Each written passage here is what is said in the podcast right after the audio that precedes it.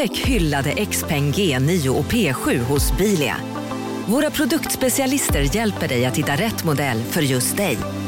Boka din provkörning på bilia.se xpeng redan idag. Välkommen till Bilia, din specialist på XPeng. Jag är en hund. Jag äter precis allting. Det spelar ingen roll vad du ser på, jag bara äter. Okej. Ja, härligt. Har du gjort porr? Podd, eh, har du gjort porr? För? Porr! Fy fan, den, den där skulle jag. Fy fan vad roligt det här var. Har jag gjort porr förut? Nej, jag... Ja, det är skönt att det inte är live alltså. Fy fan vad roligt. Ja, hjälp.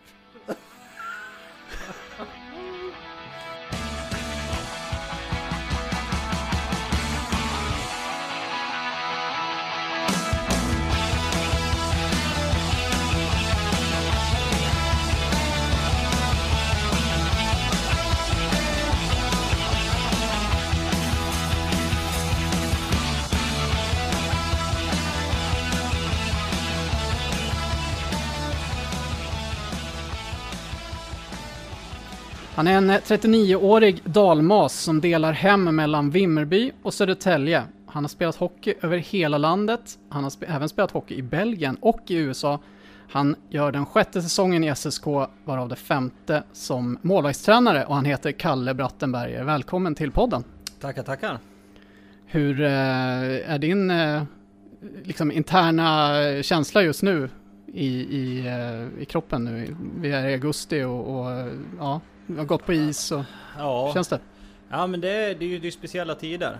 Eh, fantastiskt skönt att vi fått gått på is. Vi kan ju börja där. Eh, eh, men samtidigt så är det lite speciella tider. Vi, eh, vi kör ju lite mer ja, konditionsträning på isen nu. Det är inte så mycket, mycket annat, inte så mycket skott och sådana här saker. Och det är mer eh, konditionsträning vi kör nu på isen. Fram till den 17 så det, det, är- det är lite en annan försäsong skulle man väl kunna säga. Men eh, det är härligt att komma in i hallen och liksom börja, få börja köra igång, börja kicka igång det här. Faktiskt. Och du har ett, eh, ja, ett nytt kontrakt har du Ja. eh, med SSK och eh, du är med i lagledningen ännu ett år. Ja, är jättekul faktiskt. Det ska bli fantastiskt kul att få jobba med Dennis och Falken och Matteus och ja, resterande staben och med alla som är inblandade med Micke och alla här så det ska bli jättekul att få fortsätta jobba med dem. När blev det klart att du, blev kvar, att du blir kvar i, i SSK? Eh, ja, det blev ju klart ganska så nyligen egentligen. Eh, vi har ju hållit på och dividerat över, över sommaren och även slutet av förra säsongen. Som, eh, som vi kom in på där så har jag, jag har ju min dotter i Vimmerby så jag pendlar ju en del. Det har jag gjort det i alla år nu. Så jag sitter och kör fram och tillbaka mellan Vimmerby och Södertälje. Så vi försökte hitta en bra lösning. Jag vill göra det här så professionellt som möjligt. Uh, och jag- det är ju det här jag vill ha som min karriär nu som målvaktstränare och då försökte vi hitta lösningar hur nästa steg var i det här och det är ju att vara här mer på, på heltid då, liksom, eller mer kontinuerligt. Jag har ju varit här ganska mycket innan men det har varit mycket, mycket bilkörande så att säga. Och eh, så då, då vi fann en bra lösning här nu och så, så det är kul. faktiskt. Hur, ja, men hur, hur ser lösningen ut då? Hur, hur ska du kunna kombinera Ja, det här? jag, kom, jag kommer vara här i stort sett eh, heltid. Eh, jag kommer få åka hem några dagar i månaden som jag ska åka hem då och vara med min dotter och hjälpa ja, Albas mamma då. Att hon ska ju jobba hon också så, så vi ska kombinera ihop lite grann där. Så det, jag åker hem ett par dagar i månaden och försöker synka det med ledigheter och sådana här saker. Så. Mm. så vi, kommer, vi har kommit på en jättebra lösning faktiskt. Så det är tacksamt. Mm. Hur gammal är din dotter? Hon är fem, sex, börjar på förskolan nu så, så det är nya tider. Går Mm. snabbt faktiskt. Hur, hur, eh, hur funkar det då? Hur känns det liksom för, för dig som pappa då att, eh, att ha den här lösningen? Eh, bra, jag, jag tyckte det var tuffare de andra åren. Har det varit? Det har ju varit tufft. Alltså, det, jag åker ju, jag har ju varit borta mer än 8-9 dagar från min dotter ibland och, och, det, och det, det känns, det har det gjort. Men nu har jag liksom kommit in i det, hon har blivit äldre. Eh, dumt att säga förstående men eh, jag, vi har ändå pratat, eller nu låter det som jag suttit och pratat med min sexåriga dotter om det. Men, eh, men det, det blir enklare har det blivit. Eh, de kommer komma upp och hälsa på och, och sådana här saker. Så det, vi, vi har hittat en bra lösning i allting. Så, så det, det funkar bra. Mm. Ja, skönt att det funkar. Sånt där kan ju vara lite krångligt. Absolut, Eh, ja. absolut. Men eh, du gör det här då för att kunna jobba med det här du, du jobbar med så att säga. Det, ja. Jag förstår att det är en, eh, då en väldigt stark eh, vilja, önskan att jobba med det här, som, alltså ha det här jobbet som målvaktstränare. Ja absolut och, och det är det, det kanske låter lite hemskt men det blir, man måste offra vissa saker. Uh, jag vet, jag och Alva vi kommer kunna spendera stora delar av våra liv tillsammans ändå sen. Och, och, eh, och det är ju samtidigt det här, det är som sagt min nya karriär eh, förhoppningsvis. Det är det här jag vill satsa på och bli bra inom. Och när jag fått chansen nu här i SSK och liksom, om jag säger så här, varit med från första start egentligen, från när vi började vandra uppåt. Så vill jag inte missa den här chansen heller. Så, så så det, blir, det, låter lite hemskt men jag, det blir, tyvärr blir det min dotter som blir lite åsidosatt. Eh, men jag kommer ju träffa henne en hel del ändå så det, det är liksom inte så att jag struntar i henne totalt mm. så någon tror något sånt men eh, så är det absolut inte. Utan vi har daglig kontakt och jag kommer åka hem en hel del på alla ledigheter och sådana saker också. Så. Mm. Men så nu, det är det här jag vill göra så då, då, då får man offra lite lite grann. Mm. Ja men precis men eh, du har verkligen hittat det som du vill göra verkar det som. Du vill, du vill satsa på det här. Ja, absolut. Jag har ju som sagt jag har jobbat som målvaktstränare på Henrik Lundqvist Scholar Camp nere i uh, Göteborg i många år. Jag tror det är 16 år i rad hade det blivit i år tror jag. Okej. Okay. Uh, men så 15 år då har jag i rad alla veckor. Jag tror det är fyra upp till fem veckor i rad varje sommar. Och uh, huvudledare tillsammans med Peter Andersson, Frölundas junior målvaktstränare. Okej. Okay. Så han och jag har ju varit ansvariga för den delen i alla, eller ja, nu i tio år tillsammans ungefär. Så. Så, så jag visste den dagen jag lägger av med hockeyn så är det ju det här jag vill fortsätta med. Jag har ju ett väldigt brinnande intresse för det liksom och finna och utveckla hur, hur vi ska ja, bli bättre. Samtidigt kom jag ju själv från hockeyn ganska så nyligen så man, man vet ju lite grann vad som tänk, hur man tänker, hur man fungerar själv som målvakt, hur man själv vill ha en målvaktstränare och så vidare. Mm. Så eh, jag hoppas jag kan ta med mig det in i min karriär i det här. Men du kom till SSK eh, inför säsongen när, när klubben hade gått ner, åkt ner i, i Hockeyettan, mm. behövde nya målvakter. Mm. Du och Alexander Salin kom till klubben och eh, ja, det blev ju succé får man säga. Mm. Eh, och sen blev du också kvar i klubben. Ja. Eh, varför blev du kvar? Jag, jag, jag fastnade ganska så snabbt för SSK. Uh, alltså inte nog med allting runt omkring men alltså, jag, jag fastnade för föreningen, uh, fansen, alltså stan. Jag hade ju en, en, helt annan synpunkt på stan innan jag kom hit. Man vet vad man har hört och så kom jag hit. Jag, den här stan är fantastisk alltså. Det är inget fel på Södertälje. Och, så jag, jag fastnade ganska så fort. Allt vad Södertälje erbjöd. Och sen så, inte nog med så gick det året bra. Vi gick upp, vi gjorde det vi skulle göra och så det var, det var, inte så svårt att fastna. Men eh, sen så fick jag ju chansen till att vara kvar och, och börja min nya bana lite som målvaktstränare. Och det kunde inte bli bättre för att stanna kvar i den här föreningen som jag verkligen då började fastna för. Mm. Och som varje år som har gått nu så har jag blivit mer och mer ja, vad ska jag säga, fastlimmad i föreningen. Jag trivs jättebra och tycker om Södertälje totalt. Mm. Ja, alltså du säger det är inget fel på Södertälje. Är det, det, det, jag, jag kan känna själv att den bilden finns ute i landet att det är, det är fel på Södertälje. Ja, kan du känna det också, liksom, att det, är oförtjänt det, på något lite, sätt? Ja, eller? faktiskt. Ja, det är alltid när jag får frågan var jag bor och vad jag gör liksom, och jag benämner Södertälje så får jag oftast den här åh herregud, åh herregud. Mm. Men jag kan säga att det är, det är så fel, det är så fel rykte. Är, om man kommer in på just den kriminella biten, herregud, det, det finns i varenda stad vart du än åker i Sverige mm. så du ser det. Det finns ju precis överallt och Södertälje är ju inget unikt med det. Så äh, väldigt dåligt rykte för ingenting tycker jag mm. inte. Vad säger du då till dem som, eh, som ser ner eller klankar ner och tror att det är skit bara? Ja, jag säger faktiskt kom till Södertälje. Eh, jag tycker innerstan är väldigt fin. Eh, befolkningen här är trevliga människor. Eh, så studsar jag tillbaks till det bästa jag vet av allt, maten. Herrejösses alltså. det finns ju allt liksom som man vill ha. Så alla libanesiska restauranger och sushi-restauranger och... Mm. det, jag säger att det är en fin stad. Mm. Ja, ja, du har blivit kvar så att jag förstår att du tycker det. Ja. Och, och eh, om vi tar den där säsongen när du kom hit och, och du fortfarande var målvakt då. Alltså, ni gick upp och eh, ni det var en, en säsong som eh, gick lite upp och ner, men oftast uppåt i alla fall och till slut så klev ni upp i Hockeyallsvenskan. Vilka minnen är det som finns eh, när du tänker tillbaks på den säsongen? Oj, ja jag har, eh, jag har lite olika minnen faktiskt, olika block faktiskt under den här säsongen. Jag har eh, Jag har bland annat eh, Jag kommer ihåg när jag kom hit i början, jag visste vilka krav som kommer sättas på oss. Vilka spelare vi hade i laget och liksom vad vad fans och vad folk i resterande hockey-Sverige såg. Liksom SSK mm. skulle ju bara upp, så var det liksom bara. Och att komma hit och få bli en del utav det var ju alltså när, när det liksom blev klart, jag tänkte jag wow. Fan vad häftigt alltså, det här ska bli så jävla kul. Uh, kommer hit och sen börjar jag känna när jag går ut på isen och, och tänker så jävlar. Det här är inte bara kul utan det här är fan allvar alltså. Uh, vilket blev helt fantastiskt. Mm. Så det var mina första känslor jag hade så här, fan nu, nu gäller det att vara skärpt från dag ett. Det finns ingenting att tumma på utan nu, jag åkte hit för en sak och det var med att ta med Södertälje upp i Allsvenskan. Mm. Och, eh, så det var min, mina första tankar jag kommer ihåg. Sen så har jag skadat ju mig innan, innan jul, så jag ju väldigt skadad faktiskt. Eh, fortsatte att spela skadad länge.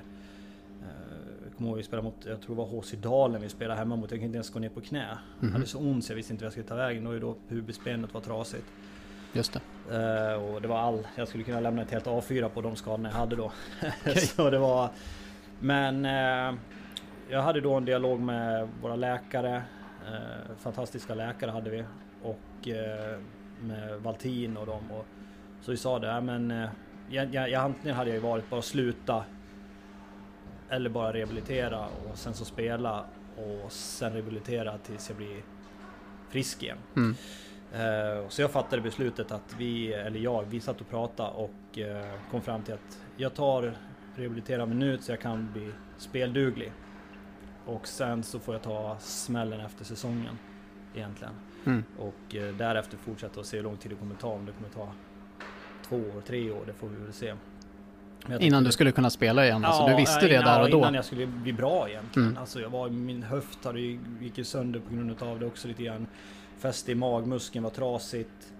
Eh, pubisbenet eh, hade spruckit. Eh, eller alltså stressfrakturer och det var, det var, det var så mycket som var så trasigt. Jag inflammerade hela bålsystemet egentligen. Och, så jag kan Shit. säga att jag hade riktigt ont. Mm. Jag hade riktigt, riktigt ont. Jag vet jag kom ner på träningarna och sådana saker. Jag visste inte vad jag skulle ta mig upp knappt ur sängen och jag visste knappt hur jag skulle hantera träningarna. Men jag, jag tänkte att jag ska bara köra. Sen gick jag in i skadeväggen kan man säga. Så jag gick ju där ett tag och eh, det jag gjorde var ju att jag gick upp varje morgon, stack upp, körde rehab, simmade en timme, körde rehab en timme nästan. Eh, sen så gjorde jag exakt likadant sen på eftermiddagen. Så gjorde jag tror det var åtta veckor, jag gjorde varje dag. Okay. Bara för att liksom komma tillbaks. Så kom jag tillbaks någon gång i slutet av allettan där tror jag. Okay. Så jag fick komma tillbaka och börja vara med lite grann. Mm. Så jag vet jag fick hoppa in någon gång i Västervik. Då var jag egentligen skadad. Men då var ju Salin skadad och Illilahti hade fått kallat in. Och Just han det. skadade sig. Så då fick jag bara hoppa in igen. Och då hade jag ju inte tränat på flera veckor. Mm. Uh, så det var, det var lite sådana här små turbulenta grejer. Så det är också ett minne som jag har med mig. Och jag kan säga så här, det var värt det. Uh, jag kan säga att när jag gick upp på morgonen och simma. Då tänkte jag, vad fan sysslar jag med alltså? Mm. Uh, men jag är så glad att jag gick igenom det och verkligen gjorde det, för det var det värt. Men du offrade på något sätt, alltså du visste då när du tog det beslutet att, att, eh, att du skulle kanske inte kunna spela mer bara ja. för att kunna spela den säsongen ja, alltså? Ja, jag, jag visste nästan till eh, ja, 90% kan jag säga att gör jag det här nu. Jag var till en läkare inne i Stockholm som kollade. Han sa att kommer du fortsätta med det här då måste du börja, då får du opereras. Och då tänkte jag så här, vad fan jag kör det här och sen rehabiliterar jag mig och sen så då får jag bara lägga skridskorna på hyllan. Jag är ganska gammal så jag, jag har fått gjort ganska mycket och tänkte jag. Så det, och går vi upp så har jag gjort en bra avslutning på min hockeykarriär så då tänkte jag att det, det är det värt. Men, men du spelar ju du spelar ju mycket av playoffet. Mm. I princip mm. hela playoffet. Ja. Fram till kvalserien så ja. spelar ju du. Det, det, du spelar fram till den sista omgången borta mot Kristianstad. Ja. Så spelar du. Sen får Salin spela hemmamatchen mot Kristianstad och då den efterföljande tredje avgörande mot ja, Kristianstad. Hur illa var det då? Uh, då ska jag faktiskt, då var jag både sjuk och skadad. Uh, jag, stod, jag stod nere i Kristianstad och där hade jag redan blivit sjuk. Både jag och Sarin började bli hänga på bussen kommer jag ihåg. Mm. Uh, och efter den bortamatchen i Kristianstad så var jag sjuk. Uh, fick någon, ja, jag tror jag fick en influensa tror jag jag hade. Uh, och var, hade faktiskt ont. Men det var, det var hanterbart. För att rehabiliterade jag mig på månaden och gjorde det jag skulle göra så kunde jag liksom gå på isen och sen kunde jag liksom återhämta mig till dagen efter. Så det, då var det liksom under kontroll. Var det. Men sen ska jag säga så här, under kvalserien så går Salin in och är fantastisk. Och eh, jag är inte den som är den. Jag, jag kom hit för att vi skulle vinna och Salin spelade fantastiskt bra. Vi vann våra matcher och så ingen var gladare än jag. Och att, mm. Hade det varit för något år innan då hade jag stått och gråtit i båset att det inte fått spelat. Okay. Men nu kände jag bara att det, en, det, finns bara en sak med det här, det är att vi vinner och går upp. Det var det enda, hur vi än gör det så om jag så sitter på läktaren så det, det struntar i bara vi gör det. Mm. Så, äh, så det, var, det var kul. Det var riktigt kul att se Salin klev fram och var väldigt avgörande mm. faktiskt. Mm. Ja, han, han spelar ju nio av tio matcher i kvalserien sen. Ja. Eh, och eh, ja, jag vet inte, alltså tar han över som första målvakt där och då? Eller varför blev det så tror du att han spelade i kvalserien? Nej men jag, jag tror att eh, ja, men han, hade, han spelade bra matcher. Han eh, gjorde några bra matcher mot Kristianstad. Eh, de två matcherna vi vann innan kvalserien och eh, var en vinnare. Så det, det, fanns liksom ingen anledning att börja liksom byta hatta någonting. Han, han går in i kvalserien och är bra. Eh, så ja, då fattar man beslut bara, kör på Salin. Mm. Såvida ingenting annat händer. Vilket jag tycker är ett jättebra beslut. Liksom, och, och mm. Salin var bra. Liksom, så det var, det var inte så mycket mer med det. Men du hade kunnat spela då om du hade Hade det krisat så hade jag spelat. Om det hade krisat? nej, nej det, det är fel. Jag, hade, jag var beredd att spela jag, jag var beredd att spela. Jag förberedde mig precis som jag skulle spela inför varje match. Uh, precis som jag sa innan, jag, det fanns bara en sak. Det var bara att vi skulle vinna det här och gå upp. Det var bara det enda som fanns i mitt huvud. Mm. Så jag var förberedd varje dag för det här. Eh, men du kommer in på Salin, eller vi kommer in på Salin, det är svårt att undvika. Du, du och han blev väl ganska nära vänner va, i, när, under den säsongen? Ja, nej, men vi blev eh, bra vänner, eh, vilket är viktigt när man är målvaktskollegor, att man hittar bra kemi och det gjorde jag Salin väldigt snabbt. Alltså de första träningarna fann vi varandra väldigt snabbt och vilket jag tror att ledde till den framgången säsongen egentligen hade. Så vi, så vi, vi, vi blev bra vänner och vi, vi är ju fortfarande vänner. Men idag är man ju vänner på ett annat sätt. Uh, nu har man ju gått in som tränare och då är det väldigt viktigt. Det fick man ju lära sig liksom de första åren att liksom viktigt att stänga av vänskap och, mm. och vara tränare. Liksom. Det, det är två jätteskilda saker. Uh, när jag kommer hit, när jag, framförallt när det är säsong, då, men då är jag ju faktiskt hans tränare. Uh, jag är liksom, visst, jag är en vän absolut på alla sätt och vis. Men man, man måste bli vän på ett annat sätt så att säga. Mm. Uh, hur, hur artar sig det då? Alltså jag menar, hur, uh, finns det saker som du inte kan eller kan inte du höra av dig på samma sätt till honom längre som du kunde förut då när ni var spelare båda två? Ja, visst, man kan väl alltid höra av sig. Det kan ju göra liksom även till Bergvik, liksom höra av sig och kolla hur man mår och sådana saker. Men det är liksom lite där man får lägga ribban. Eh, oftast måste du fortfarande ha en baktanke liksom vad, vad gäller kring hockeyn och sådana saker. Det är inte så att jag ringer till Salin och planerar någon semester och, och mm. sådana här saker. Utan det är, det är sådana gränser man får dra.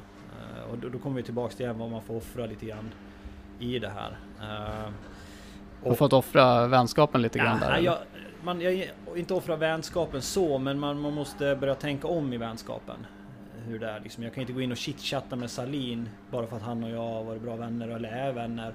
Utan då är han fortfarande min adapt liksom som jag har hand om och det, det, liksom, mm. det ska vara på jämn plan med alla målvakter som är här. Och det, det, är väldigt viktigt och det är någonting jag lärde mig de, de första åren som jag tyckte egentligen var det svåraste. Man kom in, man kände massa spelare och man kom in och kände sig själv lite som en spelare. Visste, man visste inte riktigt hur man skulle hantera de andra. Hur, hur, hur hanterar de mig? Hur ska jag hantera dem? Och, och sådana här saker. Men nu det har man liksom lärt sig och det har jag faktiskt väldigt mycket hjälp av både Dennis och Falken och de här och, mm. och sett och lärt lite hur de är. Och liksom, så så det, blir, det blir bra. Mm. Det blir bra. Men eh, den säsongen, eh, hur stor eh, höjdpunkt var det i din karriär? Den säsongen i SSK? Ja, den var... Den, jag kan säga att jag fick avsluta min karriär på bästa sätt. Absolut. Eh, det finns mycket roliga hockeyminnen man har så men eh, att få ta med Södertälje upp till Allsvenskan igen det var nog höjdpunkten i, i min karriär. Det måste jag säga. Mm. För du har ju upplevt ganska mycket ändå, gissar jag, om man bara tittar på vad du har gjort som målvakt. Så ja. du har varit runt väldigt mycket, som jag sa i inledningen, du har spelat i många klubbar i division 1 och division 2. Ja. Eh, och ja, du har även spelat i Belgien då som sagt och i, i USA en sväng. Alltså, om du ser liksom, på din karriär, är du, är du nöjd och, och, över din karriär eller hade du önskat att, den skulle ha, att du skulle ha nått ännu högre? Absolut har man ju velat komma ännu högre och gått längre så. Men nu kommer jag låta som en riktig gubbe här. Men eh, jag, man, man ser, jag känner att man var målvakt i fel tid på något sätt. Uh, på vilket sätt då? då? Ja, men det, det, man ser idag, nu, är nu har ju föreningen börjat våga lite grann. Man börjar se, man vågar titta lite åt division 1. Man vågar liksom våga ta division 1 målvakter till allsvenskan till exempel. Man vågar från allsvenskan plocka till SHL. Eh, Förut var det svensk hockey, framförallt målvakter eller utspelare också för den delen, ganska faktortionerat. Alltså att du hade du inte kommit upp i Allsvenskan, då var du kvar i Allsvenskan. Du inte gjorde tre fantastiska år, ja men då kanske var det en elitserieklubb som ryckte dig. Likaså i division 1. Mm. Du, du, det krävdes ganska mycket för att du skulle hela tiden få ta det här steget och få en chans i högre divisioner. Uh, så kunde det vara tvärtom, du kunde vara bedrövlig. Alltså det fanns ju målvakter, jag kommer inte ta upp någon namn, men man har suttit liksom och följt målvakter under min karriär. Som spelat i olika ligor, i SHL och i Allsvenskan. Man har suttit och men herrejösses. Vad är det som händer? Och sen nästa år från kontrakt igen och så vidare. Och du menar att de, inte, att de inte är så bra egentligen eller? Ja, nej, men jag, jag tycker alltså, jag, jag säger, hyllar inte upp mig själv att jag ska ta deras plats. Men jag kan säga att jag har mött målvakter som jag tyckte varit bättre än vissa målvakter som är i, var, var då i Allsvenskan och sådana här saker. Och Allsvenskan var som var i, som kunde lika väl varit i Elitserien, SHL. Mm. Så då tyckte jag att svensk hockey var lite faktorgenerad. Nu skönt att hitta bra ursäkt varför inte jag tog upp dit hela vägen. jag måste ha någon ursäkt. Exakt. Uh, men uh, det kändes lite grann som man hamnade lite, lite grann i fel tid. Och sen att uh, Sen hade jag väl egentligen jag hade ju egentligen min största utveckling när jag var 25-26. Det var liksom då jag började liksom förstå vad, vad är det som krävs utav mig. Vad krävs för att jag ska kunna bli en bra hockeymålvakt? Mm. Liksom? Mm. Vad, vad, vad, krävs varje säsong för mig? Ja, det är fysträning. Det är liksom helger och sådana saker under säsong. Ja, men då är det hockey som gäller. Eh, ingenting annat. Mm. Liksom att lägga, verkligen lägga ner den tiden. Om jag ska hålla på med det. Det är 9-10 månader om året som är bara fokushockey. Eh, så det, det kom lite senare, så när jag verkligen började blomma så då hade ju liksom min ålder börjat ta ut sin rätt. Liksom. Så, så, jag skulle inte skylla på allt och alla föreningar att ingen vågade plocka mig så. Du önskar ändå att du hade fått chansen någon ja, gång? Ja, men någon, någon gång eh, önskar man att man kanske kunde fått lite chansen att få, i alla fall få testa lite mer. Men mm. eh, jag är nöjd ändå faktiskt. Men eh, varför tror du att det var så att, att vissa fick chansen och vissa inte? Om det var så att det inte var alltid den bästa målvakten som du tyckte i alla fall som fick ett, ett kontrakt högre upp? Ja, men där, där hade du liksom lite i ungdomsåren. Man drogs mycket vad du, vad du lyckades göra första åren i din karriär. Eh, var du bra i TV-pucken och så vidare så nästlades du in i eh, hockeygymnasierna. Som när jag var på den tiden, det var inte så många hockey, men var det Leksand, Modo, Göteborg, ja, Frölunda naturligtvis. Mm. Eh, det var inte alls många. Eh, och där när du väl fick in din fot där, ja men då började du ju klättra lite grann. Oavsett vad lite. Mm. Uh, idag är det ju lite annat där. Uh, sen gjorde du lite bra matcher när du var yngre. Uh, kom in i det, då, då, då kom du in i de där ligorna lite lättare och lite snabbare. Faktiskt. Men var det någon gång nära att du skulle få ett kontrakt då, eller erbjudas ett kontrakt med någon, på någon högre division? Ja, alltså det här är ju så många år sedan. Jag vet jag skulle varit med och... Det här är jättemånga år sedan nu. Det var Oskarshamn för många, många, många, många år sedan. Uh, vet jag det var. Uh, jag har även en story från Växjö Lakers. Uh, där de tyckte att jag då skulle fortsätta min... testa lite mer seniorhockey. Då var jag 19 år tror jag. Okay. och vet jag att de var intresserade. Då åkte jag ner till Olofström och körde två platssäsonger där istället. För då var man ju superstjärna vet du. Det var ju på den tiden. Alltså. Ja, ja, man trodde väl det i alla fall. Uh, var det platssäsonger alltså? Ja, det var platssäsonger. Det var platssäsonger i min karriär. Eh, man, man kom ner dit, man vart betald eh, för första gångerna. Riktigt betald egentligen. Och som jag sa innan, man hade inte riktigt aning vad, vad krävdes för att utav mig för att jag ska bli en bra hockeyspelare. Man trodde ju att man var the shit då. Liksom. Redan så man, man, jag tror att där, där kastade jag ju liksom bort lite utav mina chanser. lite grann som jag fick sota för ett par år liksom. Att jag fick verkligen börja jobba igång igen. Uh, de platssäsongerna, då försvann uh, chansen med Växjö eller Oskarshamn? Ja, alltså. ja, jag hade, ja, Oskarshamn kom ju faktiskt visserligen lite senare. Uh, jag vet att jag skulle vara med och träna några gånger där och sen bytte de tränare och tog in andra målvakter och det var, det var lite så här. Men jag vet att frågan kom upp på bordet och sådana saker. Mm. Hade jag mer, jag var i Team Uppsala och hade en bra säsongstart där. I de var i, ja, i division 1. Ja, men, det var eh, precis som, som ja, var med allsvenskan. Precis. Här, ja. Och eh, då vet jag att då hade AIK lite problem med målvakter och hade en jättesäsong. Men bröt båtbenet i precis i den vevan. Plockade av med gipset och sa att det var allting var bra att börja spela. Jag gjorde en bedrövlig avslutning på säsongen. bara för att få ja, det där kontraktet? Bara, bara, för att få spela egentligen. Uh, så jag, jag har haft, visserligen så har det ju funnits lite på bordet men jag har liksom, det är alltid någonting som kommer emellan. Jag hade likadant i USA vet jag om vi, om vi ska gå den vägen. Uh, jag kommer ihåg att jag åker dit första gången till uh, Elmira om det vill höra så att säga. Ja, ja, självklart. Uh, åker till, uh, min agent säger att han har hittat i New York ett lag i Elmira som var då i UHL, det är ju East Coast idag. Okej. Okay. Och eh, sa så här, men vi har, jag har fixat en camp åt det där. Och jag hade ju liksom egentligen ingen koll på de här grejerna. Jag bara, ja men kul, jag ska till USA och spela hej hå, packa vägen alltså, nu drar vi. Eh, kommer till New York, eh, fattar inte riktigt först att det är up north i New York, utan jag tror ju att jag ska få bo i city ungefär, lite så är det. Det var norra, stat, norra ja, delen av staten New York ja, alltså? Ja, det var tre timmar utanför med buss. Okay. det var en fantastisk resa. Kommer, landar i New York, har en vän i New York då som tog emot mig och så här, tog, bodde på hotell några dagar först. Jag kom med två hockeytrunkar och tre resväskor och åtta klubbor och... Sen så bara, ja just det, jag ska ju till Elmira. Ja men det får jag ta liksom lokalbussen upp till, ja, tre timmar upp, North liksom. Mm. Jag tänkte, åh herregud. Så det var ju bara för mig att travla bort till centralstationen några dagar senare. Ta bussen och åka upp dit. Mysig liten stad. Eh, kommer dit, eh, får packa upp grejerna i ett omklädningsrum. Tror ju att jag ska på en vanlig, precis som i Sverige, du har fått ett kontrakt. Du egentligen så ska vara kampa fyra, fem målvakter, trodde jag. Mm. Dagen efter så är vi 47 målvakter. Och eh, jag 47? Tänk, ja, och jag tänker, ja, ja, det här är helt sjukt. Så jag tänkte så här, vad är jag nu? Alltså vad har jag ställt till med?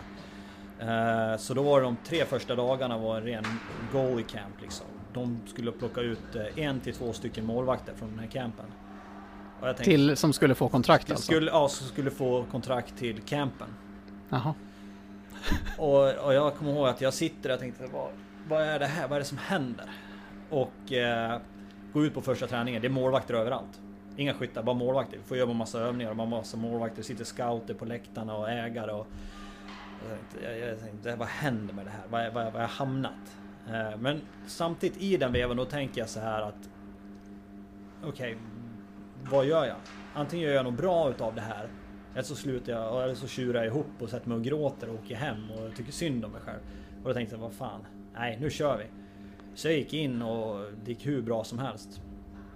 Uh, var på att uh, när campen, målvaktscampen, de, de kattade av första dagen kattade de av 20 målvakter, andra dagen kattade de av 10 målvakter. Så det var ju ganska stor avkattning hela tiden. Mm. Sen började de ju plocka in skyttar och övningar och så här. Var på att jag kommer ihåg att jag sitter i, får gå in i ett rum. Det var att det är Florida Seals var med då. Uh, Elmira, det var massa Huntsville, det var massa olika lag och några andra lag från UHL och sådana saker. Och man fick gå in i ett rum, där satt i de som en, som en jury. Ja, du sätta som på Idol? Som, ja men precis, som en het stol fick man sätta sig där. Och eh, jag kommer ihåg jag får första frågan jag får där så här, ja men eh, hur ser din flygbiljett ut? Och tänkte ja ja, bra, kul. Ja, skit sig. Jag gjorde mitt bästa liksom. Jag var topp 8 liksom. Ja, ja, kul. Bra. Jag bara, ja, jag har en öppen biljett, kan åka hem när jag vill liksom. Så. Han bara, okej. Okay. Uh, vi har en camp nästa, om två veckor. Det är för de som blir uttagna härifrån. Men vi har en main camp. Som vi har. Och den är om en månad. Och den vill jag ha det. Jag kommer skriva kontrakt med dig. Okay. jag vill ha dig kvar. Så du behöver inte ens komma på nästa camp. Jag vill ha dig kvar. Men det kommer komma tre till målvakter. Någon kille som kom från Dallas Stars. Mm -hmm. Som har varit som är signad med Dallas Stars som har blivit nedkattat hela vägen. som skulle komma och sen så var det en från AHL. Och sen så var det en annan kille som kom från en annan så här minor proffsliga. Så du, du får stanna kvar, men jag rekommenderar dig att vara kvar i USA, vara kvar i New York, lär dig liksom språket, eh, lär dig bli lite amerikansk. Eh, För här Okej. gäller det att ta liksom, inte bara sitta och vara glad utan ta för dig. Vill inte ha någon glad svensk målvakt Nej, utan... nej men precis. Utan jag skulle liksom lära mig liksom lite, bli lite tuffare tydligen. Var det han tyckte. Och det roliga kommer med det här och då får jag frågan så och sen kommer Florida Seals och Huntsville. Huntsville går under oss i SPHL. Men Florida Seals är även intresserade. Eh, Så det här är ditt val. Men vi ser helst att du skriver med Huntsville också. Okej. Och där sitter jag. Skolengelskan är ju inte på topp. Och eh, nu kommer vi faktiskt till det roliga där jag får liksom så frågan. Då vill de ha min mailadress. Och jag vill bara poängtera till alla härliga lyssnare här att den här mailadressen gjorde jag när jag var 12. Eh, så den är alltså bratt understreck king understreck. Och jag sitter där och mina alla tentaklar i huvudet slår till. Jag tänkte hur löser jag det här? Alltså ska jag ljuga ihop någon mailadress och sen hoppas att den finns nu? Så jag tänkte så här, nej jag, jag, jag kan inte sumpa det här. Så jag, jag, jag kommer inte på någonting bra. Så jag bara, ja, uh, Brat säger jag då. Uh, underline king underline at hotmail.com säger jag. Och då ser man när den första tittar upp så bara, han bara Brat like the Brat, alltså snorunge. Jag bara, ah, nej, two T's like my last name, two T's. Brat. Oh, oh, oh. Så han bara, och så man ser han liksom börja småle lite grann. Och sen så kommer jag och sen underline. And did you, did you say king? Like king with a crown? Jag bara, ja, ja, ja precis. Ja, jag vet, jag höll på att skämmas ihjäl. så det var eh, också en rolig höjdpunkt när jag gick ut därifrån. En skön känsla att verkligen så här, alltså hårt jobb lönar sig liksom. Att, Men vad hände sen då? Åkte du på campen? Ja, ja, jag åkte på campen, gick riktigt bra.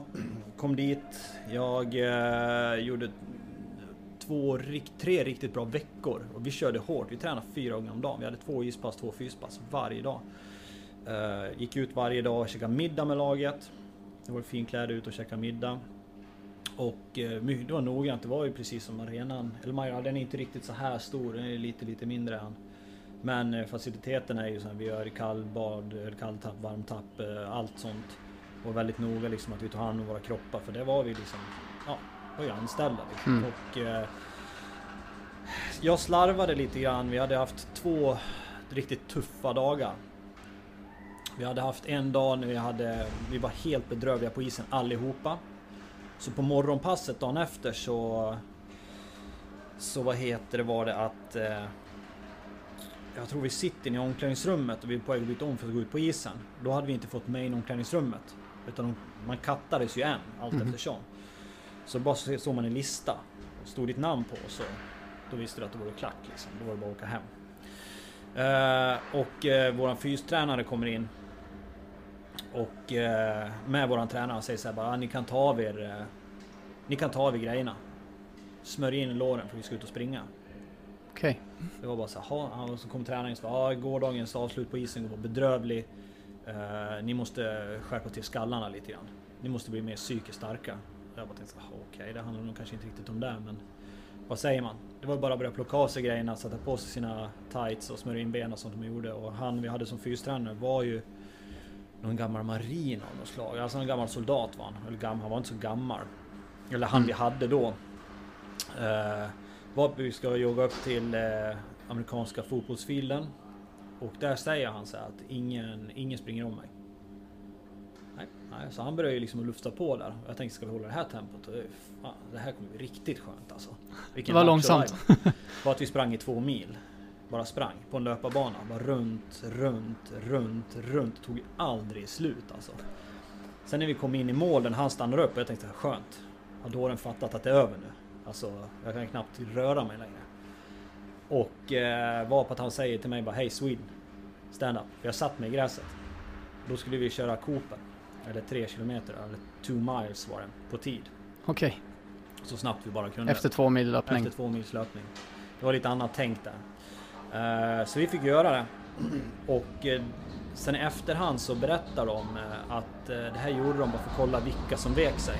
Vilka som kom och sa Jag har ont, jag har skador eller inte klarar av det rent mentalt. Det var egentligen där de var ute efter. Mm. Typiskt amerikanskt. Visserligen efter två mils löpning så kan du börja få skavanker. Mm. Så är det ju. Vi är ju liksom egentligen inte riktigt byggda för att springa två mil. Så, Mm. Men det var där, det var där de var ute efter liksom. Men vad var det du gjorde bort dig då? Var det att du satte ner eller Jag vadå? satt mig ner. Var det att göra bort sig alltså? Ja, han tyckte det. Att det var att jag liksom skulle visa att jag... Ja. Jag, jag, jag liksom, det var liksom inte riktigt där jag failade på sen utan Sen gick det två dagar tror jag och jag kom ner till ishallen och mina grejer är borta. Från omklädningsrummet. Jag tänkte så här, okej, ja, nu är det klart. Det det var kul så länge det var men jag tycker fan, jag tycker det har gått bra på isen alltså. Jag tycker det har gått riktigt bra. Eh, och då går jag bort till materialen och ser han så frågar jag så du mina grejer. Eh, Är de nedpackade eller vad? Vart de? Han bara, har de inte sagt till dig? Jag bara, nej, jag är inte, ingen som har sagt någonting. Han bara, ah, nej, nej, du har namnskylt in i omklädningsrummet. Du kan gå in och sätta där nu. Så du är klar. Jag bara, jaha. Så då var, vart jag klar för laget. Ja, ja. Och eh, lycklig. Och eh, två dagar senare efter det så sliter jag sönder min sätesmuskel. Eh, så den går på en eh, isträning. Det var, Shit. där, det var där jag gjorde bort mig. Jag, vi hade kört styrkepass, vi hade löpt igen och eh, det var sista vi gjorde på kvällen. Tog inte hand om mig utan jag var bara trött. Jag bara duscha, åkte hem till hotellet. Vi åkte ut och käkade middag, jag åkte hem och la mig. Dagen efter var jag stel som en gris. Eh, värmde inte upp riktigt. Jag gick ut på isen och sen Sista dagarna nu på vårens stora season sale. Passa på att göra sommarfint hemma, både inne och ute. Och fynda till fantastiska priser. Måndagen den 6 maj avslutar vi med Kvällsöppet i 21. Välkommen till Mio. Hej, Synoptik här. Visste du att solens UV-strålar kan vara skadliga och åldra dina ögon i förtid? Kom in till oss så hjälper vi dig att hitta rätt solglasögon som skyddar dina ögon. Välkommen till Synoptik. bara small det. Så, så det var...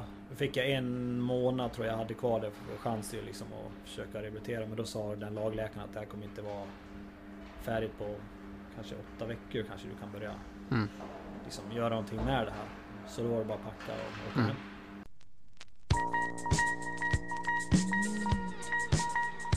Ja, alltså och sen... Eh, du ger ju inte upp heller då, alltså, för du testar ändå lyckan också Ja, på andra håll. Ja men precis, jag, jag är kvar lite i Elmira och eh, jag tycker det är tufft och det, det är fortfarande training camp och det är massa sådana saker och då får jag från eh, Antwerpen i den här vevan.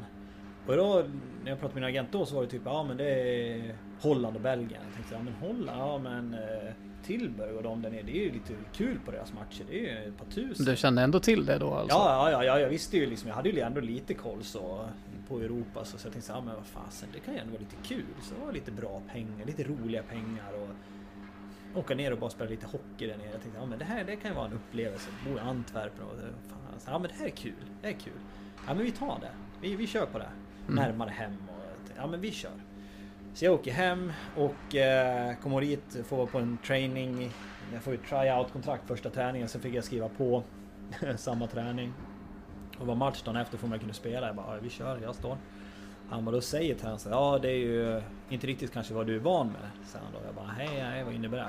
Jag, ingenting var ju van med, det här var ju division 3, division 4 hallar. Det är ju liksom Mm. ingen skitsnack om det här nere i Belgien kan jag säga. Det är islador alltså? Ja, det är utan gamla läktare? grisstall och det är gamla biografer och fängelser och allt vad det nu är. Liksom, sådär. Men eh, det här var en uterink. Jaha. Så min första match gjorde jag på uterink med dimma. Så jag, det, det är det, alltså det var en jätte... Idag tycker jag det är en fantastisk upplevelse. Men jag kommer ihåg första matchen, jag tänkte såhär bara... Men dimma på isen Ja, det alltså? du ja, kunde ja, inte såg- se ja, hela det var, Det var isen? dimma, så jag tror inte ens vi skulle spela matchen. Men de bara, vi kommer inte ha tid att liksom spela om det här liksom. Utan nu, nu kör vi, vi är här liksom. Stod alla Okej. belgare och rökte och drack lite öl och, och skrek på sidan. Jag fattade inte ens någonting, jag såg knappt pucken. Uh, när de kom innanför blå, då hörde jag folk börja skrika lite grann. Då började jag fatta, nu kommer de någonstans. Så bara dök de upp i blålinjen. Alltså. Du såg inte andra delen av planen? Nej, jag, ah, nu överdrev jag. Men jag, jag kan säga att jag såg, jag såg ju över men det var vagt. Liksom. Ja. Det var vagt. Eh, Så det var, det var också en väldigt intressant säsong, men lärorik säsong. Eh, Ja, vilket mycket inte- erfarenheter har du samlat på dig. Ja, verkligen. måste man säga. Eh, Och i den erfarenheten var ju att de hade ju brutit med holländska ligan det året, så det var ju bara belgiska ligan det året. Så de körde ju en kupp och så, så körde de en vanlig liga, så vi mötte ju varandra kontinuerligt Om hela om igen, tiden. Ja.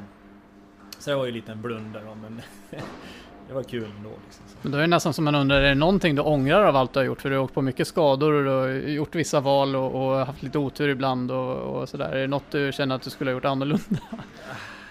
Nej, alltså så här. Men, alltså idag när jag sitter med facit i hand och liksom så här. Vad, vad har det här tagit mig i livet? Så jag, hade nog inte ändrat så mycket. Liksom så jag har en fantastisk dotter. Jag, idag är jag i Södertälje, vilket jag trivs fantastiskt med. Jag har en fantastisk sambo som är från Södertälje. Uh, så jag, jag, har så, jag har så... Uh, jag har fått med mig så mycket andra saker i, i livet så jag, jag, tror, jag tror inte jag hade ändrat på någonting faktiskt. Det mm. låter kanske lite sjukt, visst jag skulle kanske också vilja bli en hockeymiljonär och spelat i NHL och sådana här saker men det jag har nu är värt ganska mycket det också. Få målvaktstränare i SSK? Ja, men jag, jag tycker det, för mig är det stort. Uh, för mig är det uh, fantastiskt. Det är nästan som lite som en ära att man får den chansen i en sån här förening. Så, så jag ser det som en, en bra grej.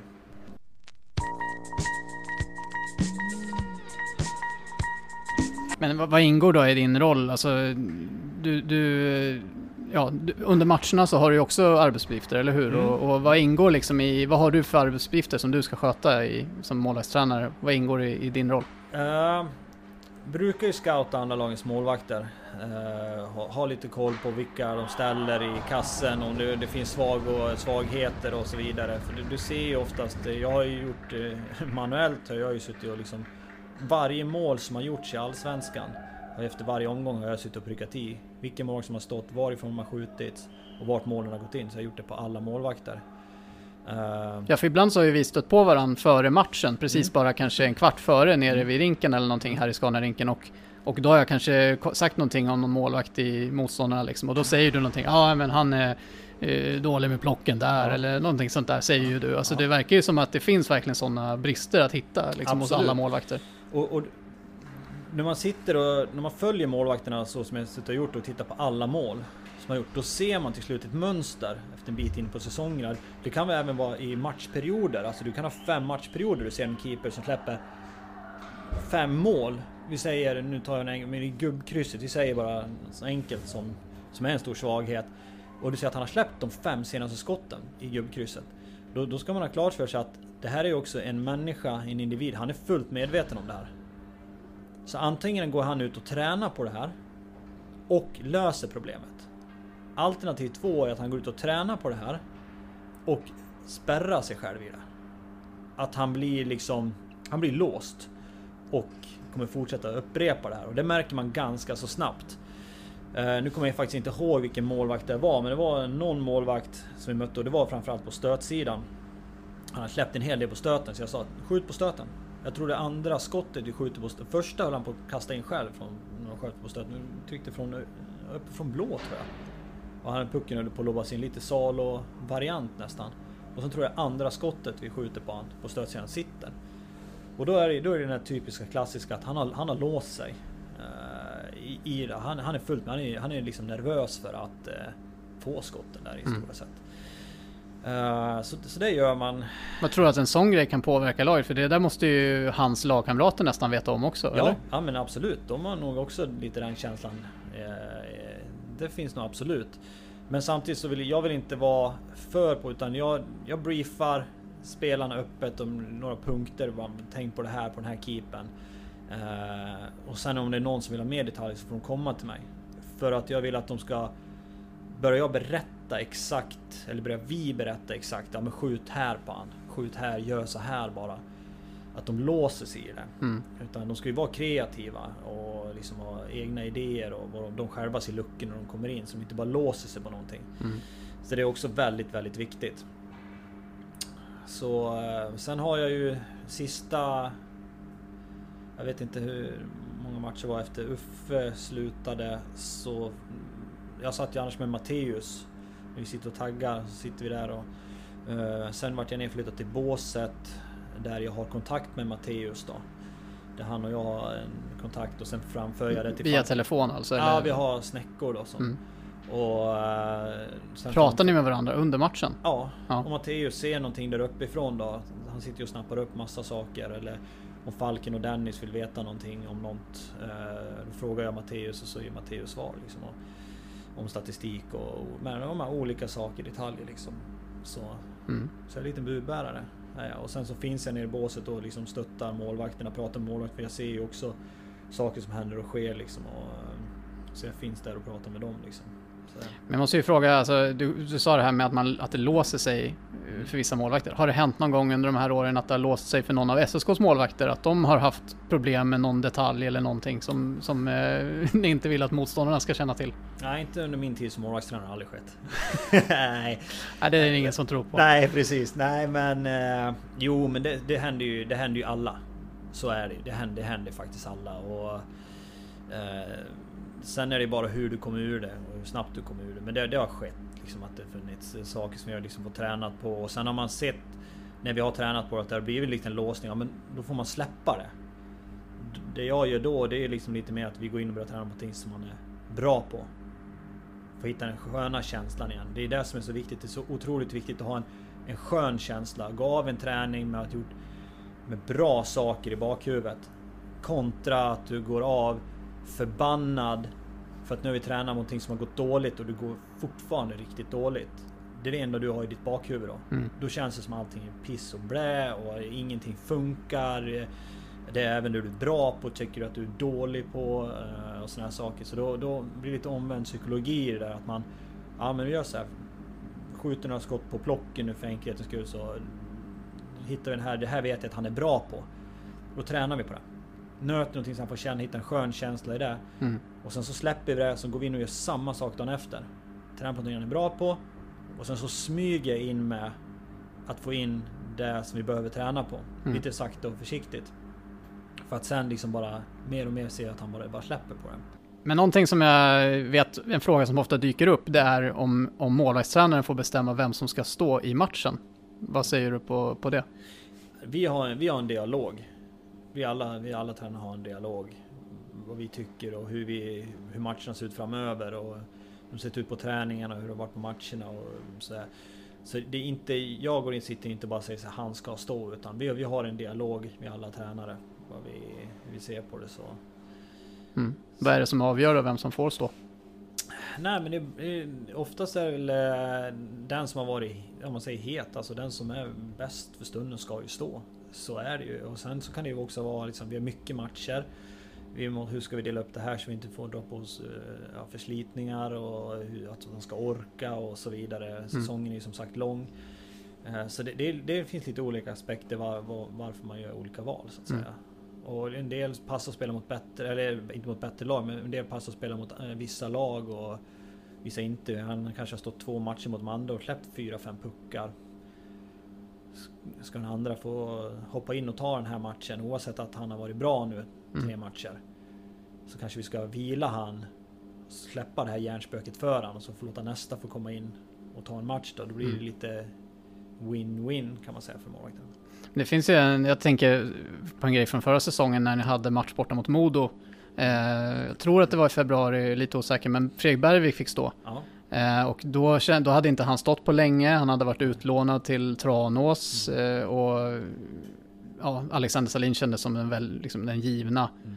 eh, det givna valet att stå de flesta matcherna. Och när, när ni då valde att han skulle stå, då kändes det för oss utomstående, i alla fall för mig, så kändes det som att ja, ni ger honom, det är Modo borta, mm ni räknar typ inte med att eh, vinna den matchen, eller alltså det är en svår match, så det är lite så här vinna och förlora. Och man, ja, vi sätter Bergvik i mål så får, han, får han lycka till liksom. Ja, jag, jag, förstår, jag förstår hur du tänker, men där, där, där tror jag att det är lite fel. För vi, vi kommer aldrig gå till någon match och tänka så här, vinner, vi, vi kvittar om vi förlorar för vi, vi har räknat med att förlora. Liksom. Det, det fanns inte. Nej, inte så, men, Nej, jag, jag förstår alltså, man, man sätter kanske inte Bergvik hemma mot Almtuna då när han är machotränad och så, utan det är liksom, för det är ändå en match som ni förväntas vinna på ett annat sätt ja, än Modo borta kanske. Ja, jag, förstår, jag förstår hur du tänker, men det, det, den, de tankarna fanns liksom aldrig riktigt, utan det var med Bergvik då, det var ju att han hade varit både bra i Tranås, han var utlånad. Man var med två juniormatcher så jag och kollade på honom där. Fantastiskt. Då, då liksom allt det vi hade tränat på en hel säsong. Alltså hela den säsongen det vi hade tränat. Alltså med Bergvik så... Vi, vi ändrade om Bergvik direkt när han kom. Uh, jag, jag satt ner med Fredrik och jag sa att vi, vi måste börja ändra på en del detaljer. Det kommer gå snabbare här än vad det gör i division 1. Uh, eh, Bergvik har ju som sagt, då hade han ju liksom han är draftad, han har kommit från Frölunda för ett par år sedan tillbaks. Då var han bra skolad. Uh, var på att sen har han också varit runt lite grann. Inte haft lika mycket målvaktstränare som liksom uppgraderat han hela tiden. Utan han har varit, stannat kvar lite i sin, i sin utveckling skulle jag vilja säga. Och, eh, och det syndes. Eh, när vi kom ut på de första träningarna. Så då pratade jag med Fredrik och Fredrik var fullt med på det. Han eh, kände själv och eh, han bara såhär, jag är beredd och gör, vi gör vad som krävs. Mm. Så man ska veta att Fredrik fick slet hund. Alltså han, vi tränade extra och hittade lite extra tider och körde och såna här saker. Och det, efter Tranås-sessionen, när Pogge kom in, mm. så var det som en liten käftsmäll för Fredrik. För då hade han liksom börjat, det började synas på träningar att det här, nu börjar liksom sitta. Mm. Det börjar verkligen bli bra. Han börjar bli riktigt, riktigt bra. Och då kom Pogge in. Som eh, in och också fantastisk eh, målvakt. Kommer in och gör några riktigt bra matcher. Och eh, hjälper till att lyfta oss lite grann. Var lite den äldre gubben som kanske hela laget behövde för stunden. Eh, och Bergvik åker till Tranås och gör det bra. Kommer tillbaks med två juniormatcher. Och är helt fenomenal med juniormatcherna. Eh, och går ut på, även på träningen och är bra. Så då sa vi det att eh, han måste få chansen. Mm. Han, och jag, jag var nästan hundra på att han skulle fixa det här. För att, eh, vi, att han skulle, att det skulle gå bra? Ja, alltså borta mot Modo? Alltså, ja, jag var, jag var nästan, jag ska säga 99% säker. Mm. Alltså det jag såg av han de matcherna här och det jag fått sett från Tranås då, det var liksom så här. Han, det här, han, han är där vi vill ha nu och eh, gick ut. Eh, jag kommer ihåg vi satt inne ute i båset innan vi bytte om och gick ut på matchen och så satt vi och kollade på klipp han och jag. Eh, på liksom hur Modo hur de gör och var, vilka kommer skjuta, varifrån kommer de skjuta. Och liksom, tänk på det här nu. De kommer, de kommer testa och lägga, eller testa, de kommer lägga spelet över centrallinjen. Karlqvist kommer stå och klippa direkt. Stå upp. Mm. Han kommer skjuta på första stolpen högt. Sätt dig inte, stå upp. Bara ta det över stående så kommer du få pucken på dig. Och det är typ det första som sker. Och uh, vi var... Så det var riktigt kul. Vi, liksom, vi satt och kollade på det här och liksom så här. Mm. Det måste ju vara en härlig känsla då när, när ja, det faller ja, så pass ja, väl det, ut. Det är faktiskt jättekul och då, då ser vi att eh, då har vi liksom gjort rätt. Mm. Och att han får verkligen betalt för sitt hårda jobb liksom. Så det var, det var mm. kul. Mm. Det var allt annat än en chansning att sätta honom ja, men det var i den matchen. Det, det, var det faktiskt. Eh, han hade, han hade bevisat att han eh, var värd den chansen. Mm. Han hade fått stå kanske oavsett då, om det hade varit Ja oavsett vilken match det var, hemmamatch, bortamatch. Ja, det hade, det hade kvittat tror jag. Mm. Han, han hade bevisat att han skulle få stå en sån match. Det, mm. Och vilket var jättebra i den här typen. För då är även Salin börjat kliva fram mer och mer. Eh, mm. Så det, det, var, det var bra. En perfekt tid var mm. ja, Det är intressant för, för det, den matchen blev lite grann av Fredrik Bergviks genombrott nästan i, i SSK. Ja. Eh, och eh, nu är ju han kvar. Mm. Eh, till den här säsongen och ja, målvaktsparet med han och Salin är ju intakt. Så, och Micke Samuelsson, sportchef, har ju sagt att eh, han gärna hade velat se mer av Bergvik egentligen mm. innan beslutet att förlänga med honom. Mm. Eh, och du har ju jobbat med honom nu i ett år och, och sett till liksom att ni gjorde om hans målvaktsstil då förra året. Mm. Hur, liksom, vart står han nu? Hur, vilka steg kan han ta nu när ni inte behöver börja säsongen med att göra om hans målvaktsstil? Jag, jag tror att Bergvik eh, skulle kunna ta ett par steg till den här säsongen. Uh, han, eh, precis som du säger, nu har vi liksom hittat en grund. Så här, nu vet vi om, nu behöver vi inte experimentera så mycket på träningen utan nu har vi hittat den här grunden. Där hans, en del av hans gameplan som vi kommer liksom jobba med. Sen kommer det ta liksom lite tid, som det gör för alla mål, att komma in i det här nu i början. Och då ska man veta att han har gjort någonting i många, många år. Som vi ändrade om en period förra året. Och nu har han haft ett break från det här på ett par månader. Mm. Så det här, för att få in det här igen, för att det börjar sätta sig i ryggmärgen, så måste vi samtidigt börja om igen på det. Så det, vi pratade lite grann idag faktiskt och sa att det här är, det är tålamod. Det är tålamod som gäller. Alltså, vi måste hålla oss till vår plan och gå ut och göra det varje dag när vi kommer till ishallen så ska vi liksom vara 110% taggade för att liksom bli bra igen. Mm. Uh, så jag, jag, tror att jag, jag, tror faktiskt både Fredrik och eh, Salin kommer kunna ta ett par kliv den här säsongen. Faktiskt. Mm. Om vi, börjar, om vi fortsätter bara på Bergvik, alltså vad behöver han göra i sin målvaktsstil för att vara bra och vad behöver han utveckla ytterligare? Uh, han, framförallt det som han var, gjorde bra när han hoppade in förra året, det var att han höll ju jämn. Han gjorde ju 5-6 matcher i rad som mm. var bra. Alltså där han liksom har, jag, jag, har en liten statistik som jag gör själv då och liksom han varit eh, mer väl godkänd på alla dem. Och eh, han, han, var jämn, men nu ska han lyckas göra det här kanske 25 matcher. Han ska hålla en jämn nivå, han ska liksom, han ska bevisa att ja, den här nivån jag hade de här 5-6 matcherna den ska kunna hålla en hel säsong. Framförallt i en slutspel sen. Så det, det är ju någonting och att verkligen alltid hålla vara kvar i sin gameplan. Att inte falla tillbaks när det kanske blir ett, två baklängesmål. Att falla tillbaks till sin falska tryggheten. Där man var förut. För det är väldigt lätt hänt. Att du börjar med så här.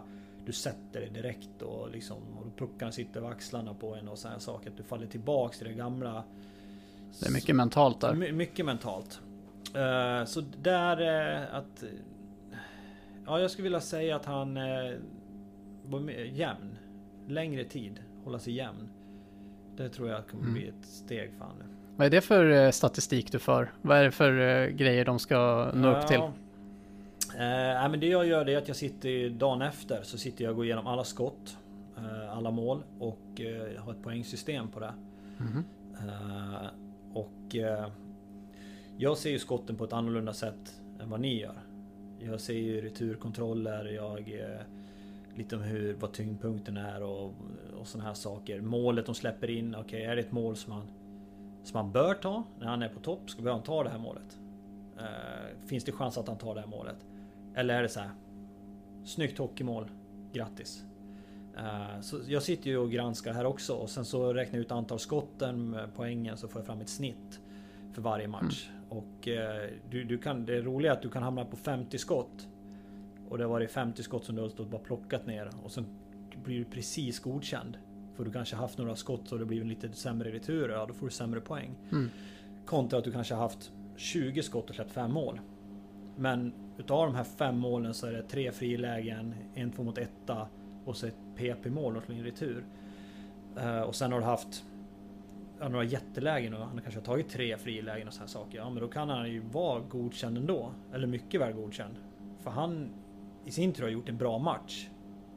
Så man kan säga att du betygsätter varje ingripande målvakten Precis. gör under en match? Precis. Är det då som, som i simhopp eller någonting? Att du tittar på prestationen ja. och så sätter ett betyg? Ja. Är... Va, vad är det för skala vi pratar om? 1 till 5. Okej. Okay. Uh, som jag sätter på där, där det snittet blir på sen då. Uh, och det gör du på, på A-lagsmålvakterna eller? Ja, och jag kommer nog uh, göra det även på juniormålvakterna också. Vad landar de på för snitt den senaste säsongen? nu kommer jag inte ihåg exakt, nu har jag inte de siffrorna i huvudet. Jag, jag, det är sjuka, jag tittar, jag och Bergvik tittar på det idag. Men han snittade 3,9 tror jag, Bergvik. Och 3,8 är godkänd. Mm -hmm. okay. 4,1 är mycket väl godkänd. Då har du mhm. gjort en riktigt bra match så att säga. Uh, och sen har du från 3,7 och neråt så är du icke godkänd.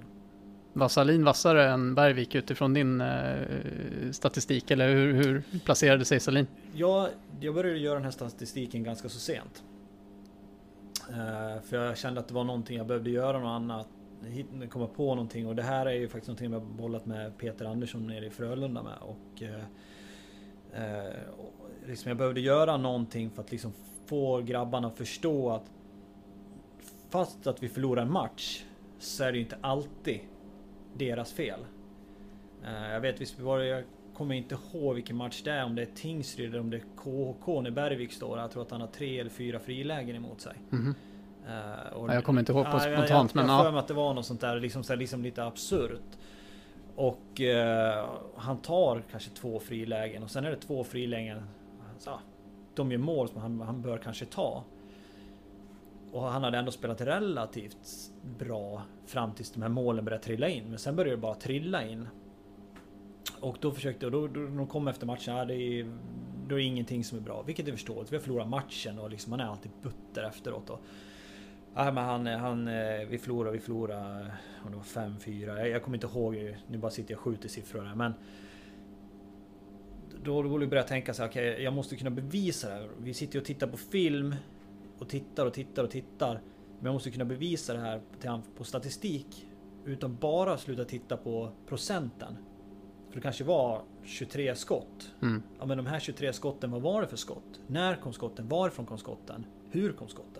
Var du skymd? Alltså Mm. så här saker. Hur, hur gör vi det här? Och, och då, så då pratade jag lite med Peter Andersson och, och så, så kom fram till det. Så det, Mm. det är riktigt bra. Så jag, jag kommer nog eh, jobba det här som junioren också. Mm. För att, eh, att varje match liksom förstå att, att varje skott räknas. Alltså varje skott är viktigt. Mm. Eh, och att man liksom får se sen efteråt att ja, jag, jag kan släppa.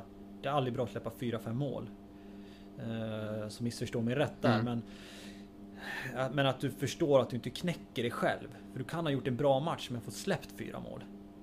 Och då, det du har i huvudet då, det är de här fyra förbannade målen. Mm. Och då kanske ett utav dem är ett skitmål. Men det har kommit tack vare att du har liksom börjat tänkt. Och det är liksom så här, ah, fan jag har ju spelat bra nu. Och sen kom den här och så kom den här. Så blev det PP så gjorde de trean. Och sen släpper du fyran av ren Mm. tankeverksamheten inte där. Mm. Att börja bevisa det för dem att hela tiden nollställa. För du har fortfarande gjort en förbannat bra match. Mm. Och det tyckte jag började funka liksom. Så, så Mm. det ska bibehålla. Eh, Alexander Salin brukar ju säga, vi frågar ju ofta om målvaktsstatistik såklart, Ja. han brukar säga att han tittar aldrig på sån statistik. Nej. Men han, han tittar på din statistik hoppas jag. Ja, men jag, jag ger han aldrig. Jag vet att han vill inte ha sin procent. Mm. Eh, Räddningsprocent. Och, va? Ja, Räddningsprocent. Nej, men, nej, men precis. Och det respekterar jag. Det är det han inte vill tänka på. Det kan ju vara att det blir en, en, en tankegrej för han. Som kör lite tankevurper på han. Att han börjar räkna skotten. Många skott hade jag den här perioden. Jaha, vad har jag för statistik nu? Och det är också en, en typisk målvaktsgrej. Att målvakter är så skärrade över att en del arenor räknar du ju 13 skott på tre skott. Och en del får 13 skott och de räknas till tre.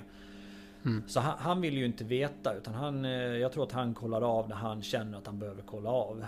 Eh, Så det, men den statistiken, den ger jag ju inte. Mm. Utan den får han kolla själv. Eh, Sen så ser jag ju faktiskt Jag får ju taggningar varje skott. Så det är ju alltså, Man ska veta att skotten som räknas på en match Kan vara ganska missvisande. Eh, Men jag vet att vi har spelat matcher och de har kanske fått Vi har kanske fått fem skott räknade mot men i själva verket var det tio skott. Och sen så, det ser jag ju sen vad Matteus har taggat då. Eller jag när Matteus är iväg. Mm. Eh, Så jag får ju en liten annan statistik. Men däremot så får han ju se stat- eller resultatet han får från varje match. Mm. För att det, det, måste han, det, det, det, får han, det måste vi hantera. Det är ju någonting vi måste sätta för att vi ska kunna bli bättre. Så han, han tittar på viss statistik fast ja, det är olika hur mycket han tar Ja, till sig den. ja, men- ja, men men din statistik får han titta på. Den, den, den, den, får går han vi, inte den går undvika. vi igenom. Mm. Och liksom så här, och vad, vad, hamnar, vad fick du för resultat i den här matchen? Vart du godkänd? Vart du icke godkänd? Mm. Så han också får, för han kan ju, eller inte bara han, men man kan ju kliva in och så tror man man gjort världens bästa match. Ah, vi vann ju med 3-2. Mm. 4-2. Ja men... Vart, vart du godkänd? Mm. Så ja nej, men det tycker jag. För du vann ju. Det är där du tycker. Och sen så börjar man sätta sig och titta på skotten så börjar vi poäng, sätta poängsystem på varje skott och då ser man kanske att oj, ja. Oj, det skickade en retur rätt ut i banan. Ja, det var inte så bra. Men vi löste det. Backarna tog hand om den. Men ja, det var inte så bra utav mig. Då börjar man se sådana här detaljer igen. Mm. Ännu mer. Och då får man säga okej, jag, jag måste steppa upp mig. Liksom. En räddning är inte alltid en fempoängare. Nej, Helt precis, enkelt. Precis. Mm. Ja, intressant. Eh, rolig grej. Det där kanske vi får återkomma under säsongen. Jag vet inte hur offentlig du vill att den Nej, där statistiken ska det, vara. Nej, det gör absolut ingenting. Nej. Det kan vi, jag kan absolut visa något sådär. Vore kul. Eh, men men eh, om vi ska komma in på Alexander Salin då. Vad, för vi pratade om Bergvik och vad han behöver göra. Och, och Salin har ju varit här ganska länge nu. De flesta eh, SSK känner till honom som målvakt ganska bra så och vet vad man kan förvänta sig. Och ändå är det många som kanske förväntar sig att han ska ta ytterligare ett steg i utvecklingen och bli den här, eh, alltså med hockeyallsvenska mått mätt, en riktigt, riktigt bra målvakt. Alltså bland de bästa i ligan. Mm. Eh, vilka steg behöver han ta för att, för att bli den målvakten? Eh, han, eh, nu, han, han hade ju något år där han var lite skador, fick operera höfter och, Mm. och sen saker och sen komma tillbaks. Han behöver ett skadefritt, helt skadefritt år. Eh, och eh, vilket jag tror att det kommer vara det här året. Eh, framförallt. Han, han tror jag börjar liksom komma mer och mer och börja förstå vad som krävs. Han, den fysiska biten har ju blivit bättre på. Den har ju liksom, den kurvan har ju stegrat rakt upp. Så de här, från de första åren i SSK tills nu är ju en helt annan Salin. Och då ska man också veta att du går ifrån att börja bygga på dig muskelmassa och, och bli större och starkare. Och det här ska ju du omvandla sen på isen. Och när du är ovan med att liksom vara ta mig inte riktigt på orden, men blivit stor och stark. Mm. Och du inte riktigt varit van med att vara stor och stark på det sättet innan. Du kanske inte är van med riktigt den här hårda fysen. Då blir det svårt att omvandla direkt när du kommer på isen. För du blir, du, du blir alltså det låter konstigt, men du blir en annan människa på isen. Och är du ovan med de här muskelmassan och den här nya träningen som du har gjort de här åren. Det tar lite tag att komma in i det här. Eh, med rörelse och kroppen, hur allting börjar fungera. Med, eh, så det, men jag tror att han börjar... Jag tycker det syntes lite grann på han i slutet av förra säsongen. Att det, det liksom börjar sitta nu. Det börjar sitta, verkligen sitta. Eh, och även han att hålla en jämn nivå. Att han måste klara 3, 4, 5 matcher i rad och liksom vara en vinnare åt oss. Eh, nu kan vi gå in och så vinner vi en, två matcher och sen så har det kanske dippat någon gång. Eh, att man liksom hela tiden går upp och sen kör de här fem matcherna i rad. Att liksom är en vinnare. Och jag säger inte att det är lätt. Det är absolut inte lätt. Utan, mm. Men är, om man, ska ta en nästa steg och ta sig upp, högre upp i seriesystemet och bli, en, ja, bli den bästa målvakten i Allsvenskan. Ja men då är det, det nästa mål för Salin. Det är säkert jättesmå detaljer som han ska rätta till då, men kan du säga någonting liksom vad han behöver göra då för att bli den där? Uh, han har lagt på muskelmassa och, ja, och nej, men det vad, är vad finns det, det mer? Börja kontrollera sin, eh, sin kropp igen. Uh, och, men det är fotarbetet. Bli snabb på fötterna och sen ha tålamod. Det, det ser jag direkt på Salin när man när han är i sitt esse, när han är riktigt i sitt esse. Uh, då kan jag bara stå och njuta på träningen. Då, då går det inte in i en puck. Mm. Eh, då, är han, då har han tålamod, han kör read and react. Alltså han eh, agerar efter skotten, han eh, hittar rätt höjd, han håller sig där hela tiden. Han, han, det syns så väl att han litar på sig själv. Och där har du ju någonting att han, han hela tiden måste lita på sig själv. Hela tiden tro på sig själv. Även när man har tunga träningar, att vi måste gå tillbaks till gameplanen direkt. Att inte vi måste jobba en del in på träningen för att han ska komma tillbaks. Utan han ska nollställa och sen tillbaks. Mm. Och det är svårt. Men eh, det är ju en sak som vi kommer träna på en hel del i vinter. Mm. Eh, jag, skulle, jag skulle vilja säga så här att jag skulle vilja få en... Om jag skulle jämföra med en målvakt nu så skulle jag vilja jämföra så som jag skulle vilja ha Salin. För att, alltså jag är ju så Carey Price. Mm. Dit skulle man vilja ha Salin men kanske inte lika lika flygande farande som Carey Price. Utan, men lite åt den spelstilen. Mm. Uh, och, och det, den skulle han kunna börja hantera nu när han blir starkare i bålen, blir starkare i benen. Att kunna ta sig sidled uh, och hålla upp över kroppen och sådana saker.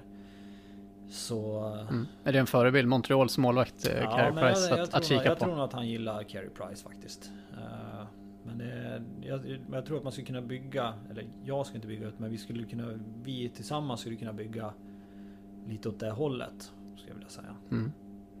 Ja, spännande. Men, men det är ju, jag tror många utomstående tyckare, särskilt utanför Södertälje, kommer säkert, och jag har sett lite sådana tendenser redan, att man pratar om målvaktsparet mm. är kanske SSKs svaghet då, eller någonting. Man stärker backsidan och man har forwards, man har Olesen och, och Blomstrand kvar och så vidare och så vidare. Mm. Men målvaktssidan tror man kanske är en svaghet. Vad, vad, känner du över? Du är förstås helt trygg. Nu, nu kan jag ju inte ja. sitta här och säga något annat, det förstår jag. Men, men jämfört med andra målvakter, och, och, för det är ju en otroligt viktig lagdel såklart. Ja, visst, det är en viktig position.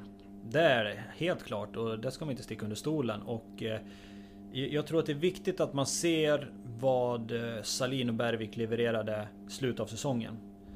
Eh, att det är därifrån vi får utgå. Mm. I början av säsongen det var två, två olika målvakter som kom in. Det var Bergvik som kom rätt så färsk ifrån division 1. Hade en division 1 spelstil som vi egentligen fick börja ändra om.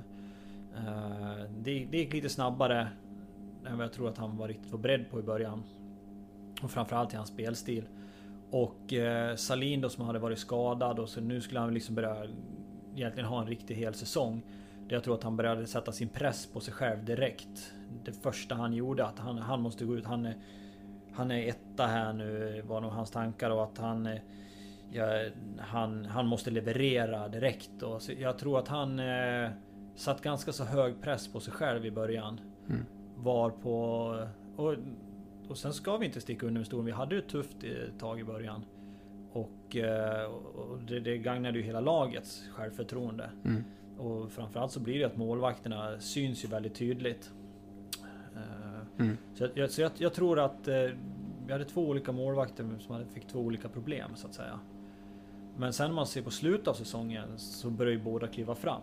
Och jag tror att det är väldigt viktigt att man liksom ser från den tiden. Och inte ser det från seriestarten. Mm. Utan man ser vad vi hade på slutet av säsongen. För att hade det inte varit, hade det varit samma problem i slutet av säsongen som det var i början av säsongen. Då tror jag nog att kanske målvaktsparet hade kanske varit annorlunda. Mm. Där nog Micke och de tänkt lite annorlunda där. Mm. De fick fortsätta och eh, jag hade jättegärna fortsatt fortsatt prata med dig, ja. eh, Kalle, men, men, vi har dragit över en bit över en timme. Ja, det och det finns, ju, ja, det finns ju väldigt mycket att prata om. eh, får bjuda in dig fler gånger till Absolut. podden och prata, prata om målvakter och, eh, och SSK. Eh, men eh, ja, det har varit jättekul att ha dig med. Avslutande bara, vad får du för känsla? För all, det är ju slutspel som gäller, alltså det är ett slutspelsupplägg i år. Mm. SHL är ju drömmen för många lag, även SSK. Och, och, det är väldigt lite som skiljer mellan lagen såklart. Så alla lag kan drömma verkligen om att, att pricka formtoppen och, och göra det här som du var med om att göra fast från Hockeyettan till Hockeyallsvenskan mm. istället. Vad, vad får du för känsla och, och vad är det för eh, attityd som finns i, i det här lagbygget som du känner just nu? Ja, först och främst vill jag börja säga äntligen Hockeyallsvenskan. Äntligen. Eh, Har du saknat slutspelsupplägget? Ja, ja, jag, jag, förstår, jag, förstår, inte riktigt varför man aldrig har gjort det. Man har hållit på med de här eh, topp 8 och sen de får spela någon seriefinal och höll på att dutta och dattat och höll på mm. Äntligen förstår jag mig. Alltså jag tycker att det här, det här kommer bli riktigt kul. För nu kan du liksom ta dig till till topp 8 eh, och sen så liksom gå in i ett slutspel. Mm. Som alla andra eller som SHL. Det kommer bli mer fair play liksom. Så det, det är riktigt kul och jag, jag, tror att spelarna känner det med. Och, eh, så det kommer bli riktigt kul. Mm. Och lagbygget i sig. Jag tycker det, ser, det, det är ett bra lagbygge, det ser kul ut. Det är alltid kul att se när 17 när vi kickar igång med allting. Mm. Var, var vi står någonstans. Men det är ett intressant bygge, mm. verkligen.